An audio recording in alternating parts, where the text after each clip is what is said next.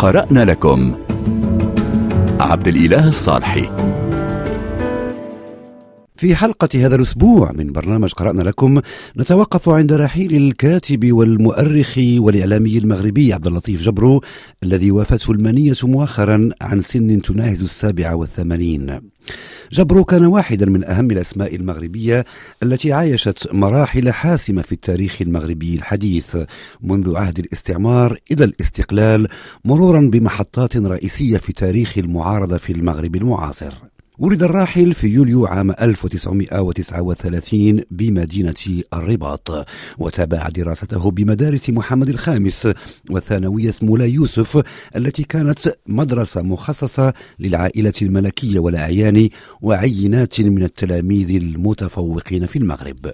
انتسب جبر في الستينيات إلى حزب الاتحاد الوطني للقوات الشعبية ثم لاحقا إلى الاتحاد الاشتراكي وعمل منذ سنة 1959 بمجموعة من الصحف المرتبطة بالمعارضة الاتحادية ومنها صحف التحرير والمحرر والاتحاد الاشتراكي.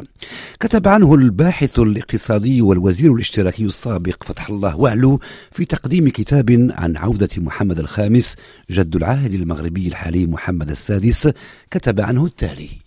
إن الذين يعرفون عبد اللطيف جبرو يعرفون أنه يتميز بقوة الذاكرة وبالقدرة على توظيف هذه القوة في قراءة الأحداث ومساءلتها انطلاقا من حرصه على غربلة المعطيات والروايات والتأكد من درجة صدقيتها. هكذا أصبح مخزون الذاكرة عنده أداة للتمحيص وآلية للمقارنة والمقابلة قبل تقديم قراءته الخاصة.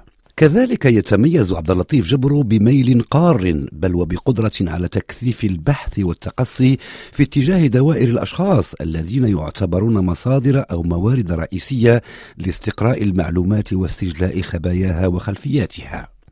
وبذلك يسر له هذا الحرص على البحث وتقوية المعطيات المتوفرة تغذية مخزون الذاكرة وتوظيبه بشكل أكثر فأكثر متانة. لنستمع إلى عبد اللطيف جبرو متحدثا عن شخصية صديقه القائد الوطني والمعارض البارز عبد الرحيم بوعبيد وتاريخ استقلال المغرب عن الاستعمار الفرنسي في ندوة تكريمية أقيمت له عام 2016 لنستمع له. تاريخ الحركة الوطنية حافل بالوثائق ولكن وثيقة 11 يناير فريدة من نوعها لأنها سجلت تحولا كبيرا في تاريخ المغرب وفي مسلسل نضالي للخروج من عهد الحماية إلى عهد الاستقلال.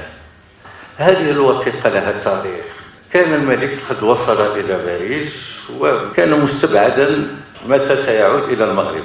عبد الرحيم شعر آه، بأن شيء ما يجري في Pavillon Henri Quatre الذي كان يقيم فيه محمد الخامس بعدما وصل إلى باريس. وفي تلك اللحظة أخذ القطار ووصل ولا استقبله ولي العهد وقال له إن جئت إنك جئت في الوقت المناسب.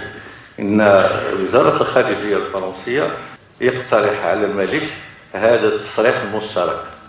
فأخذه عبد الرحيم بوعبيد ووضعه جانبا وحرر نصا مضغوطا هو الذي سيكون تصريح لاسيل سان كلو هذا التصريح لاسيل سان كلو باش نعرفوا قيمته والفضل يعود لعبد الرحيم. لأنه لا الملك ولا ولي العهد لم يكونوا بعد في الأجواء. كانت تصلهم تقارير ومعلومات منقطعة عن الحالة في المغرب وعن المعنوية الجماهيرية في المغرب. إلى جانب مقالاته وأعمدته في الصحافة الوطنية لمدة تفوق نصف قرن واظب جبر على كتابة مؤلفات عن التاريخ المغربي الحديث وشخصياته الفاعلة. ومن هذه المؤلفات المهدي بن بركة ثلاثون سنة من أجل بناء مجتمع جديد عن دار النشر المغربية وكتاب الرياضيات مدرسة للوطنية وكتاب بناء الوطن معركة أقوياء النفوس وكتاب عبد الرحيم بوعبيد سيادة الوطن وكرامة المواطن. ثم كتاب عودة محمد الخامس وكتاب الحقيقة أولا مغرب الأمس القريب. وكل كتاب وأنتم بخير. قرأنا لكم عبد الإله الصالحي.